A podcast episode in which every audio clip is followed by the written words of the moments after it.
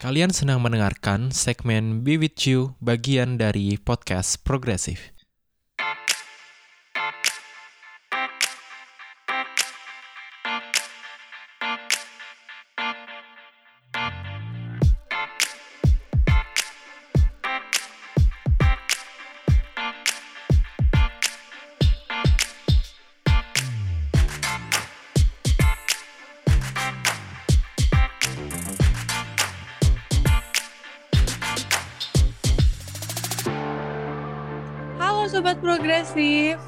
Lagi-lagi ada di sesinya Be With You dan kali ini kita bakalan dari Be With You kita bakalan bahas soal toxic relationship. Yang pastinya kalian tuh pasti banyak banget yang lagi berteman kah, atau yang lagi pacaran kah, atau yang mau nikah, atau yang sudah menikah, atau yang hubungan tanpa status. Kita nih harus diteliti lagi nih, sebenarnya hubungan kita nih sehat atau enggak sih? Hubungan ini toxic atau enggak sih? Nah makanya untuk tahu lebih dalam lagi tentang itu, hari ini kita bakalan habis kok habis? Hari ini kita bakalan bahas habis tuntas soal itu bareng siapa? Bareng sama member Be With You. Yang pertama ada Kijong. Hai hai Kijong. Hai hai hai, kembali lagi. Udah lama ya nggak ikut Iya, rekaman. udah lama. Iya. Dan kita bareng sama Indah. Halo, sama aku lagi. Semoga nggak bosen ya. Gak bosen kok. Yang penting kita bahasnya eh, bakalan bener-bener wow banget. Jadi kalian harus stay terus di Sip. podcast progresif sesinya Biwi itu setiap hari Senin dan kalian jangan lupa untuk follow Instagramnya Be With You dan follow juga Instagramnya podcast progresif. Nah, eh, mungkin kalian udah tahu gue Maya terus di sini ada Kijong sama ada Indah eh, member-member Be With You dan kita bakalan eh, apa bahas soal tentang toxic relationship dan hari ini bakalan benar-benar dikemas secara santai banget karena kita nggak mau bahas ini berat. Meskipun ini berat sebenarnya karena ngomongin eh, status dan ngomongin soal hubungan. Gue tahu pasti kalian ada lah yang hubungan tanpa status atau mungkin FWB kan who knows. Tapi again kita harus recheck kita harus tahu hubungan itu sebenarnya sehat atau enggak sih. Dan untuk kebahas itu sebelumnya gue mau tanya nih sama eh, Kijong sama Indah. Tapi mungkin pertama gue pengen tahu dari Indah dulu nih. Menurut Indah dah toxic relationship itu kayak gimana sih sebenarnya? Hmm, toxic relationship itu menurut aku kayak kita tuh nggak bisa bebas gitu, bebas mengekspresikan diri kita ketika kita bersama mereka-mereka itulah kayak gitu lah. Anjay, bener bener bener banget bener banget. Karena kadang kita juga nggak bisa apa ya nggak bisa be ourselves gitu kan kita jadi orang lain ketika kita deket sama orang-orang toksik. Nah kalau misalkan dari Kijong sendiri gimana Jong? Kalau menurutku eh, sebenarnya sama kayak Indah. Tapi menurutku kalau misalkan aku dari sudut apa dari perspektif laki-laki menurutku eh, pasang apa toxic relationship tuh yang menjadikan pasangannya sebuah objek yang kita ini yang eh, ngatur sesuka hati kita gitu-gitu sih. Yang yang ya sama kayak Indah yang nggak bisa pasangan kita menjadi dirinya sendiri, tidak bisa berekspresi sebebas mungkin. Gitu sih.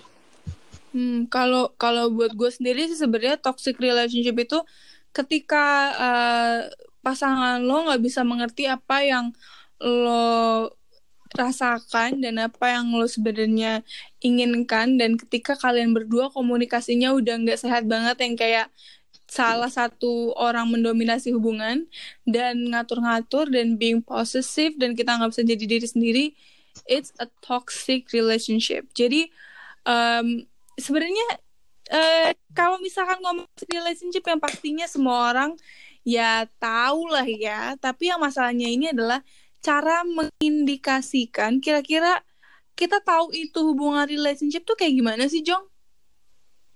Ya ya. Kadang mm, menurut gue ya eh, hubungan yang sehat itu hubungan yang menurut gue yang bisa membebaskan pasangannya untuk melakukan apa pun yang mereka suka. Menurut gue, Mm-mm. that's my opinion. Gitu. Kalau misalkan eh, kadang kita terle- suka terlena tau eh, sama eh, arti kata cinta anjay. Malu kali.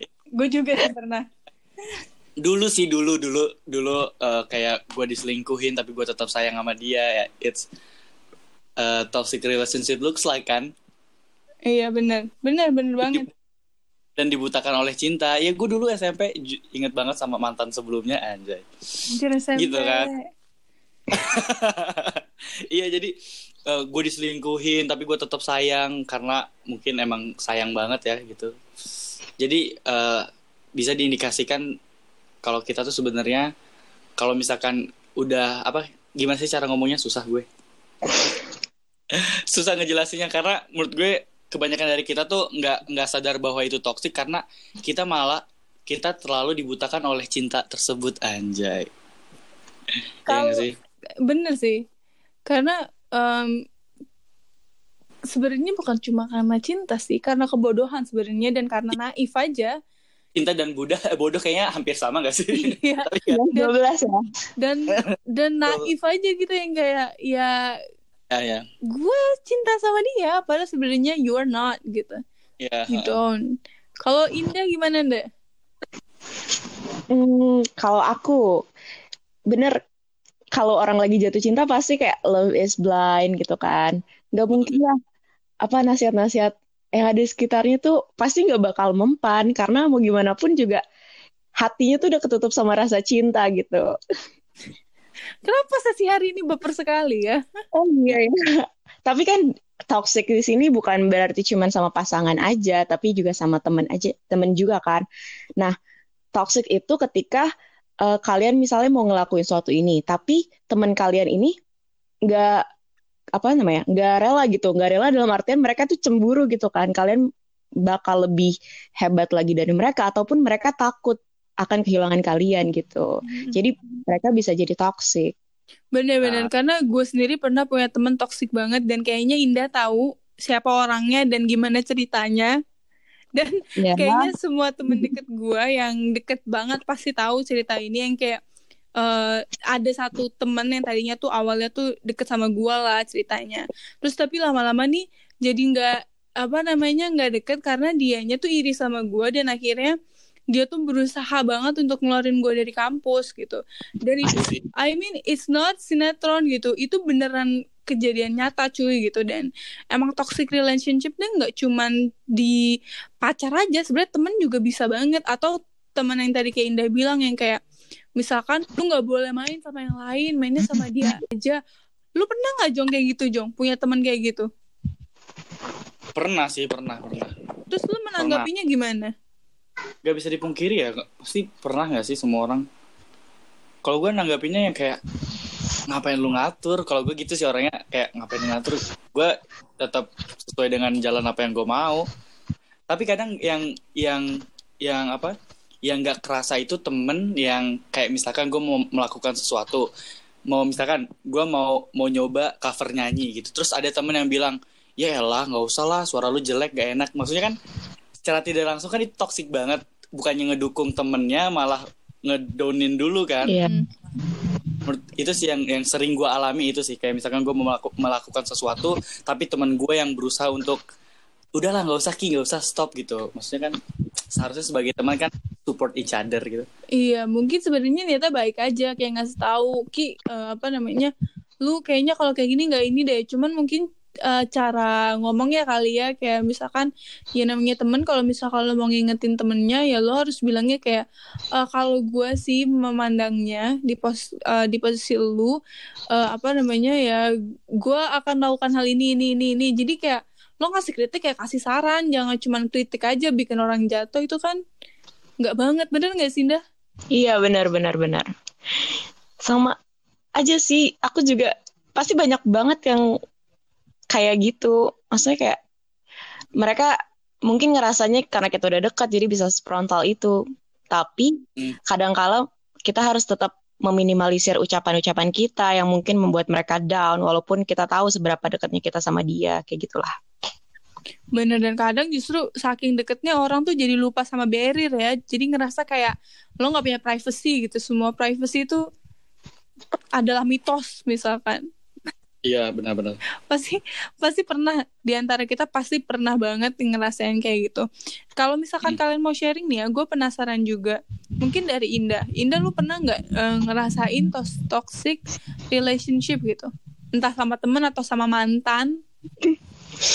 Pernah, tapi kayak udah lama banget sih. Dan aku sekarang emang lagi bangkit-bangkitnya dari masa-masa itu, ngelupain ya toxic-toxic itu. Karena itu juga bisa ngebangkitin apa ya, rasa anxiety aku. Kalau nginget-nginget tentang kejadian-kejadian masa lalu lah, kayak gitu. Parah ya, maksudnya kayak itu tuh bener-bener bakalan membekas dan Iya. gak akan hilang sebenarnya. Susah. Karena gimana pun Hmm. juga yang namanya memori tuh kita bakalan bawa sampai kita mati, cuy. Bener gak sih? Iya benar. Kalau lu Benar-benar. sendiri gimana, Jong? Untuk hubungan saat ini, gue bersyukur gue open relationship dan nggak ada toxic toxican anjay. Gue ngerasa hubungan yang sekarang nggak ada toxic in relationship, tapi kalau misalkan yang sebelum sebelumnya kan lu nanya pengalaman. Ah tadi yang gue bilang. Ya gitu, gue diselingkuhin sana sini, udah berapa kali diselingkuhin tapi gue tetap aja nurut gitu. Mungkin karena atas dasar kebodohan, Gua- disertai dengan cinta anjay. karena sama cuy. Eh lu masih mending ya? Lu apa eh, nggak nggak ada yang mending? Nih gue mau ngomong lagi ke kalian semua. Kalau ada temen lo lagi curhat jangan pernah ngucapin lo masih mending ya. Itu itu nggak banget cuy. Kayak sorry banget gue tadi ngomong gitu gue kelepasan tipe Itu contoh, itu contoh. contoh iya contoh. Example guys. Jadi yang kayak lo nggak boleh banget yang kayak lo masih mending ya lo gini lo tuh mending lo gini gitu. Karena eh, sebenarnya nggak ada yang mending gitu. Karena semua posisi toksik itu sebenarnya yang nggak boleh mau sekecil atau sebesar apa pun gitu. Dan apa Mm-mm. namanya kalau gue gue dulu pernah gue bukan diselingkuhin lagi jong tapi ternyata pacar gue mantan gue itu udah punya istri dan istrinya dua gue kaget anjir anjir Oh my God. itu Damn. How dare you gitu kan. sumpah ini How tuh ini toksik parah yang kayak gue tuh dichatin setiap hari terus gue tuh nggak boleh pakai baju eh, gue tuh nggak boleh pakai baju inilah itulah terus dia suka ngatur kayak kamu cantikan pakai baju yang ini jadi dia tuh kalau ketemu sama gue dia tuh pengen gue pakai baju itu gitu Oh. itu juga toksik kan pernah nggak sih kalian Iya. ngalamin itu sebenarnya Kalau aku pengalaman waktu di ya selingkuhin juga, harusnya kan aku sedih banget ya. Emang masa-masa itu sedih banget. Tapi herannya aku malah ranking satu. Wow. Kayak wow, gue bisa gitu tanpa lo. Anjay. Ya, kalau lu sendiri gimana Jong? ya itu yang gue yang gue tadi bilang masa SMP. Kalau untuk pasangan ya, Kalau temen kalau temen sampai sekarang masih ada. Oh. sekarang ada. Gua lagi ada. Lu selalu support gue kan. Tayo, tayo. nah, tapi ini loh apa namanya? Em, kalau mis- pas kita lagi ada di dalam hubungan yang toksik itu, Iya. biasanya tuh susah banget untuk lepas. Bener gak sih? Iya. Iya, lo is blind. Yuk, coba, coba siapa yang mau sharing nih? Mungkin Kijong dulu nih. Lo ketika harus lepas dari mantan lo yang selingkuh mulu atau dari lingkungan teman-teman lo yang toksik, lo harus lo gimana sih apa ya cara keluar dari zona itu karena kalau gue sendiri itu hal yang sangat sulit gitu dan itu butuh butuh usaha yang sangat-sangat besar. Ya. Yang kalau untuk mantan gue ya, untuk pasangan waktu mantan gue itu, gue eh, apa berusaha keluar dari zona itu karena eh, agak susah emang karena eh, kita pacaran tuh pertamanya dari sahabatan dulu. Jadi kita sering main bareng, sering sering ke mana bareng gitu. Pokoknya kita kan ada ada sahabat lah, namanya Kulaga gitu kan. Ya dulu kan zaman-zaman SMP kan, you know lah, Alay-alay gitu ya. ya gitu kan. Ya jadi eh, jadi main tuh main bareng nih sama pacar gua sama teman-teman gua jadi kan agak susah buat keluar dari zona itu you know lah Mm-mm. kayak kalau mau ngelupain juga kita setiap hari ketemu Intens ya. intens dan dan kebet bukan kebetulan dan alhamdulillahnya syukurnya gue punya satu sahabat yang support gue buat ngelupain dia yang kayak ki ayolah come on lu tuh masih banyak eh, orang yang suka sama lu gitu dia tuh udah kayak gini gini gini udahlah biarin aja gitu nah gue waktu itu mencoba untuk nggak main sama sama dia dan sama temen-temen gue selama satu bulan atau dua bulanan untuk berusaha melepas itu semua gitu loh Hmm. Karena itu emang Gitu. Susah banget sih. emang sulit banget sih apalagi kan intens ketemu gitu loh Mai Hmm. Dan yang iya aduh. apa sih itu ya lo ketemu setiap hari gitu, lo intens. iya benar benar benar benar apesnya tuh ketemunya setiap hari dan sekolah dari jam 7 sampai jam 3 sore ketemu Dari Senin sampai Sabtu ketemu. sampai Minggu main bareng Astaga. Hidup lu kayak nggak bisa gitu kalau nggak nafas tanpa dia ya. Gila ibu. setiap hari itu yang dinamakan pasarku memang dekat lima langkah dari rumah ya. Eh, parah Kalau Indah, Kalau aku lebih ke toxic apa ya? Ada sih dua-duanya pacar pernah, temen pernah. Kayak hidupku pernah toxic deh. Enggak. tapi sebagai dah Kenapa? Menurutku eh, kita punya pengalaman kayak gitu seba- ja- menjadi sebagai apa jadi pengalaman hidup kita gimana Ya caranya benar benar benar. Jadi pengalaman hidup banget. Jadi kayak kita kalau kayak aku pas waktu itu aku ditoksikin SMP SMA. Jadi pas kuliah aku udah tahu nih ciri-ciri orang kalau kita mau berteman tuh kayak gimana. Biar kita tuh bisa lebih hati-hati kan, nggak terlalu apa ya, nggak terlalu show off lah tentang diri kita. Karena kalau kita semakin show off juga kadang bisa jadi bumerang nantinya gitu. Jadi kayak ditoksikin ini jadi bisa bahan kita buat lebih aware, lebih nge- lebih hati-hati lagi dalam memilih teman. Bukannya berarti bukannya berarti selektif yang gimana, tapi kan kita juga harus uh, udah mulai tahu lah teman yang baik untuk kita cir- circle seperti apa, terus juga yang apa yang bisa support kita kayak gimana. Kita udah bisa tahu lah dari kita ditoksikin itu. Bener-bener. Karena em, apa namanya ini tuh bener-bener apa ya bener-bener kadang tuh abstrak yang kayak kita tuh nggak nggak bisa ngegambarin sebenarnya orang ini toksik atau enggak dan kita baru bisa ngegambarin itu setelah dapat beberapa informasi dan pengalaman gitu. Dan apa namanya itu bener-bener sulit banget. Dan kadang nih ya gue juga baru ngeh kadang yang toksik itu nggak nggak cuman pacar mantan pacar atau teman. Tapi orang tua juga bisa jadi toksik loh.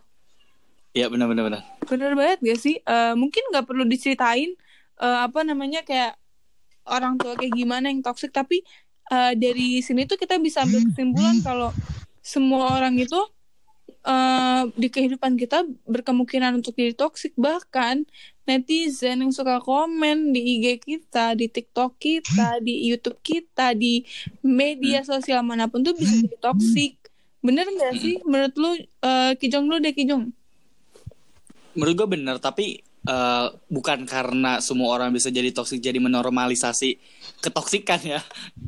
Ya nggak sih? Hmm. Jadi kayak ah ya elah udah biasa orang lain aja gitu. Iya iya. Kayak kayak gitu. Jadi Kita kayak Mm. hmm, menurut gue iya benar semua orang bakal toksik tapi alangkah baiknya tidak untuk menjadi toksik. Nah, justru kalau menurut gua eh karena kita tahu setiap orang itu bisa jadi toxic, kita yang harus sama-sama ngingetin dan spread eh spread itu apa ya? Menyebarkan Menyebarkan. eh, menyebarkan eh apa hal yang positif itu loh atau aura positif ke orang-orang itu. Ya Yes, yes. karena gimana ya? Mau seberapa seberapa perfect lu, mau seberapa smooth atau mau seberapa lancar dan lembut, halus, lancar segala macam itulah pokoknya kehidupan lu pasti ada aja toxic people dan yang kadang dibingungin adalah gimana cara ngadepin toxic people. Mungkin mulai dari Indah dulu, Nda. Cara ngadepin toxic people. Cek. Gimana? Aku. Oh iya, cek. Caranya kalau aku sih kayak bentar, agak agak susah ya aku mikirinnya. kayak ini tuh apa ya? Frontanitas dari kita pas ditoksikin. Mungkin kalau ketahuan toksik kan dari teman-teman dekat gitu kan. Cara menghindarinnya Kok aku jadi bingung ya? Aku dulu, Udah, aku dulu deh. Ya udah. Kaki jang dulu, kaki jang dulu. Ya. Tuh jadi ke distract. Oh.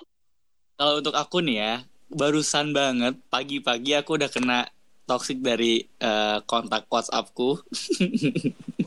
Wah, ya, karena aku kan eh, eh, bikin status tentang ya kalian yang yang satu kontak pasti tahu tentang eh Sogi SC kan. Oh, I see, I see. Nah, di situ ada ada beberapa orang yang emang agak konservatif dan dia melakukan chat-chat menurut gua toxic banget. Gitu. Dan gua mengatasi itu semua dengan ya kalau gua orangnya emang pengen jawab aja terus, gue jawab aja terus sampai dia sampai dia bosen. Jadi yang ngetoksikin gua, gua jawab jawab lagi gitu kayak gua ladenin. Tapi kadang kalau kalau orang kan beda-beda buat nanggepin toxic itu ya. Kalau gue gitu sih, kalau gue misalkan ada orang yang toxic, gue ladenin, ladenin, ayo mau ngomong apa gitu. Kalau misalkan udah gue udah capek banget, gue paling ngeblok sih, ngeblok, ngeblok orang yang toxic itu. Hmm. Mungkin Hmm. apa namanya Blok sih. Kalau misalkan kita udah apa, udah nge-spread apa kata Maya itu udah menyebarkan hal positif, tapi dianya tetap eh, apa stand apa sih keras kepala, tetap keras kepala ya gue jalan namanya itu sih apa blok. Karena percuma juga kan kita ngeladenin malah tenaga. Benar, benar. gitu Nah, kalau aku waktu ngeladenin kayak toxic people gitu, aku lebih ke ini sih kayak oke, aku setelah aku udah tahu mereka bilang apa kepada apa se- bilang apa tentang aku, jadi kayak aku lebih oke lo bilang kayak gini, gue bakal buktiin gitu, gue nggak kayak gitu dengan dengan prestasi-prestasi gue dan akhirnya justru waktu itu mereka malah minta maaf ke aku. Kayak- oh kayak setelah semuanya udah udah aku anggap udah nggak ada apa-apa gitu tiba-tiba mereka minta maaf dan ngakuin kesalahan mereka gitu kan kayak wow wow cool. karena ini siapa namanya Em, ya lagi kadang toksik orang-orang toksik itu nyadar kalau mereka sebenarnya eh, apa namanya jadi orang toksik ya perlu kesandung dulu atau perlu ngelihat sesuatu dulu di kehidupan dia. Karena kayak gue juga punya temen toksik dan dia kesandung dulu baru dia nyadar kalau yang dia lakuin itu salah gitu. Dan sebenarnya em, apa namanya untuk ngadepin orang toksik kayak gitu kalau gue sih simple ya. Kalau dia bukan orang yang benar-benar deket sama kita blog sosial media. Nggak ada salahnya Mm-mm. untuk orang gitu. Terus kalau misalkan dia orang yang deket sama kita kasih penjelasan sedikit terus kalau misalkan masih nggak ngerti blok.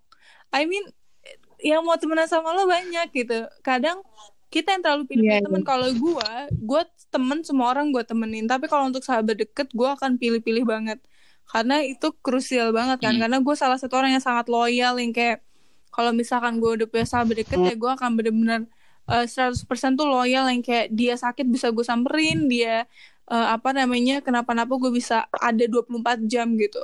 Dan gue nggak akan mau untuk ngeluangin waktu gue itu buat orang-orang yang toksik tapi yang masalahnya adalah gimana caranya kita identifikasi diri kita sendiri gitu loh sebenarnya kita nih jadi orang toksik gak sih karena pasti bakalan ada bibit-bibit toksik di antara kita gitu. kalau dari lu sendiri gimana Jong? aduh agak sulit ya nggak bisa eh, kita nggak bisa munafik ya kalau misalkan eh, kita kita bisa menjadi orang toksik tanpa disadari mungkin. Walaupun walaupun gue udah berusaha gue untuk tidak menjadi orang toksik mungkin tanpa kita sadari eh, eh, ada orang-orang yang terusik dengan eksistensi gue gitu. Contoh eh, contoh misalkan gue gue gue bikin status tentang apa ta- tentang tadi lah. Contoh kayak tadi lah eh, apa eh, sogi SC dan gender gender gitu kan. Nah untuk beberapa orang kan ada ada yang ngerasa terganggu dengan status gue dan merasa diri gue tuh toksik untuk dirinya. Ngerti ya ya gak maksudnya paham itu gak Ah, Iya kan gitu kan? Iya iya. secara tidak langsung gue bisa gue itu menjadi orang toksik untuk menjadi orang toksik untuk dia gitu tanpa disadari. Hmm. tapi menurut gue abstrak sih, sih- iya gak sih? Iya yang tadi yang tadi gue bilang Iya. kadang toxic itu abstrak tapi sebenarnya kita bisa menjabarkan semua itu kalau kita udah punya pengalaman dan refleks diri. Kalau misalkan kalau gue nih kalau ditanya kayak gitu ya gue akan jawab gue menyadari kalau gue pernah toxic. Maksudnya gue pernah jadi orang yang sangat toxic. Mungkin masih. Tapi eh, semakin berjalannya waktu gue akan selalu mengevaluasi diri gitu contohnya nih ke pacar ya nih ya. benar-benar. Dulu tuh gue selalu chat 24 jam. Kalau gue bal apa balesnya apa dia bales telat satu detik aja gue bisa nyariin gitu. Padahal belum satu menit gitu kan. Dan dan gue rasa itu hampir rata-rata terjadi di setiap orang. Dan kadang itu salah satu indikator kalau lo toxic gitu. Bahkan ketika lo Iya. bilang kayak ke pacar lo jangan chatan sama ini jangan chatan sama itu gitu ya kalau emang pacar lu sukanya sama lo ya ya udah biar aja dia chatan sama siapa pun iya gak sih Mhm. Iya. kalau Indah sendiri gimana Nda? Gimana cara kamu identifikasi diri gitu? Ketika kamu jadi orang, misalkan kamu you are being too toxic gitu misalkan. Oke, jadi ya aku sama sih kayak Kak Kijong. Eh, toksiknya kayak gitu. Misalkan aku dengan segudang aktivitas aku, terus juga aku yang kelihatan produktif sana sini, mungkin bisa ngetoksikin sebagian orang lah, atau merasa mereka sama aku intensitas kedekatan kita kurang, jadi mereka merasa kayak agak kurang diperhatikan lah sama aku gitu. Terus keep in touch-nya kita kurang juga. Nah, cara aku nyikapinnya, ya kalau misalnya aku temenan sama mereka, terus berhubungan sama mereka, itu eh, sikap mereka gimana ke aku, mungkin kayak ada perubahan emosional, perubahan moodnya, itu bisa aku langsung kayak berpikir lah, pikir ulang, oh mungkin ada yang salah sama gue, atau atau kenapa ya gitu, mungkin aku bisa ngubahnya dari diri aku sendiri, terus baru aku mencoba untuk membicarakan sama mereka, aku pernah kok di posisi yang kayak gitu dan aku bicarain sama mereka dan everything is clear gitu. Semuanya jadi bisa bisa kembali seperti semula yaitu selama kita mau mencari solusinya bersama-sama gitulah ya Dan sebenarnya tuh untuk apa ya? Untuk mengidentifikasi diri kita ini toxic atau enggak, itu just be open minded aja. Lo harus terbuka sama semua masukan orang. benar ketika misalkan eh, apa namanya orang yang kayak berpikir lo toxic di kehidupan dia atau dia nggak suka sama lo segala macem karena sebenarnya kalau misalkan lo close minded lo nggak akan bisa beradaptasi cuy gitu dan kalau misalkan eh, misalkan nih gue sama Indah eh, apa namanya punya prinsip yang beda ya kalau saling menghargai apa susahnya atau misalkan kalau emang bener-bener nggak Ya. bisa saling menghargai ya udah nggak usah temenan blok-blokan cuy gitu maksudnya kayak sebenarnya semuanya tuh sesimpel itu cuman kadang orang yang mendramatisir itu bener nggak sih menurut menurut lu gimana Jong? Benar benar benar setuju sih gue karena iya sih benar Mai. Menurut gue sama kayak lu beneran deh. Beneran deh. Ah iya gue setuju banget eh, yang kata lo itu. Kalau Indah? Yang ya aku udah greget kalau aku sih ada tipe orang tuh yang kalau mereka ngerasa ditoksikin ya udah mereka tuh pen- bukan pendem sih lebih ke solve-nya secara pribadi. Dan ada juga yang solve-nya itu dengan cara menghasut lah temen-temennya. Istilahnya menghasut tanda kutip ya. Maksudnya kayak ya jatuhnya digibahin lah. Eh si ini tuh begini ya gitu. Jadi tuh otomatis yang ditoksikin yang ngerasa ditoksikin cuma satu tapi imbasnya ke semuanya gitu. Jadi kayak lebih lebih inilah memperpanjang masalah yang seharusnya tidak menjadi masalah itu ya itu teman kampus gue kayak begitu tuh iya bener-bener yang satu kampus tuh dia cerita tentang gue yang padahal sebenarnya gue aja nggak ngerasa pernah cerita atau pernah ngomong kayak gitu gitu sama dia. Dan itu ha- maksudnya kayak kalau gue sih kalau gue sih orangnya ya bawa santai aja. Selama selama selama lo nggak kayak gitu dan selama lo ngerasa nggak ada masalah ya lo cuekin aja. Nanti juga capek sendiri dan bakal minta maaf sendiri ya enggak sih? Benar-benar kayak kita nggak ngelakuin apa-apa terus tiba-tiba semua mata tertuju pada kita. Susah emang kalau jadi apa ya jadi center tuh susah karena uh, kayak whatever you are doing like people always want to know gitu loh. Dan kadang suka susah buat kontrol uh, feeling juga kan. Dan itu yang sebenarnya paling bener-bener bikin lo harus hati-hati gitu ketika lo bersikap, ketika lo mau posting sesuatu, ketika lo mau ngomong, intinya mah saling hargain aja udah itu mah gampang sebenarnya kalau kayak gitu. Iya apa namanya um, sebenarnya ketika lo open minded dan lo mau terbuka dengan uh, pemikiran orang lain lo tuh bisa jadi lebih apa ya? Ibaratnya nih lo buat buat apa buat bikin diri lo nggak jadi orang toksik ya lo main yang jauh ketemu banyak orang open minded ngobrol sama banyak orang. Jadi lo dapat banyak Iya. insight gitu. Jadi lo bakalan tahu oh kehidupan di luar tuh seperti ini. Cuy nggak perlu jalan-jalan gitu. Maksudnya hari ini tuh hari ini tuh ada ada yang namanya internet sosial media gitu. Lo Ah. bisa jalan-jalan lewat internet bener gak sih ya Indah ya Indah yang sering jalan-jalan internet ya? Iya, Gila, gua bisa kayak dalam coy. satu sentuhan jari aja gitu kan. Berarti kayak Iya. di berarti kayak orang-orang yang toxic itu bisa jadi mereka kurang piknik ya. iya orang piknik Ya. emang harus harus sering-sering piknik kalau misalsan nggak punya budget ya buka YouTube aja pikniknya Iya pikniknya nonton TED gitu kan. nonton TED dengerin podcast Be With You ya Nah, gitu-gitu promosi aja. terus nah mungkin ini yang terakhir nih dari semua yang kita mau obrolin tadi kira-kira kalau dari Indah nih dari Indah dulu eh, ada pesan apa nggak sih untuk kita eh, apa namanya menyikapi menghindari orang-orang toksik itu di kehidupan kita Untuk atau teruntuk toxic people oh, oke, untuk toxic toxic people. Biasanya good people ya, ini sekarang toxic people. Jadi kayak ya kalian coba inilah eh, menghargai setiap apa ya perjuangan orang gitu. Harus open minded, bener banget. Jadi kayak terus juga hati kalian dibukalah gitu. Bener banyak banyak piknik deh. Jadi nggak terlalu musingin tentang orang, terus orang juga jadi nggak kebawa ini kan, kebawa perasaan lah. Gitu banyak piknik ini. Mm-mm. kalau Gijang Jong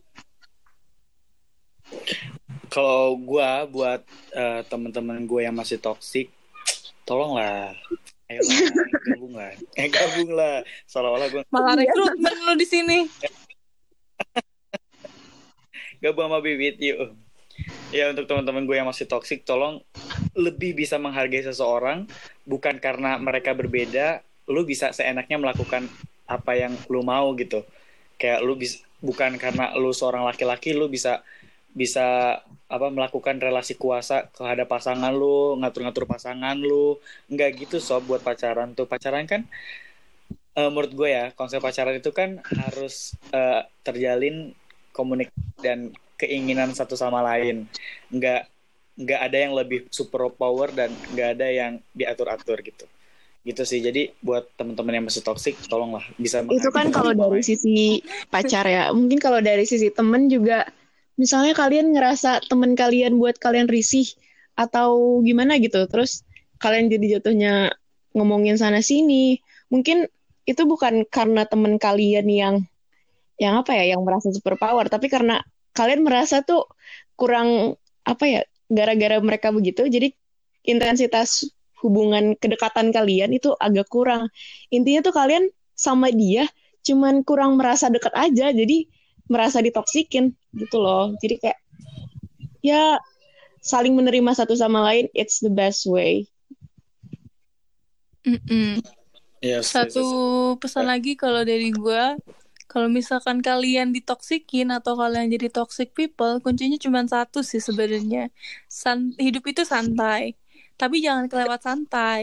Jadi kalian tuh bayangin aja lagi duduk di pantai, tapi jangan makan petai ya nanti bau. Jadi intinya tuh ya kan hidupnya tuh santai aja cuy gitu nggak perlu dibawa serius banget tapi nggak perlu dibawa terlalu bercanda juga karena eh, kehidupan itu nggak cuma sekedar main bekel atau kehidupan itu nggak cuma sekedar uh, bernafas dan menjalani kehidupan sehari-hari tapi ada sesuatu yang sebenarnya berdampak besar buat diri lo dan buat orang lain yang sebenarnya juga berpengaruh besar buat uh, apa ya betul ekosistem lah gitu. Jadi ketika lo jadi orang toksik lo akan terus uh, membawa hal negatif bahkan ke diri lo sendiri gitu. Jadi lo akan capek sendiri kesannya.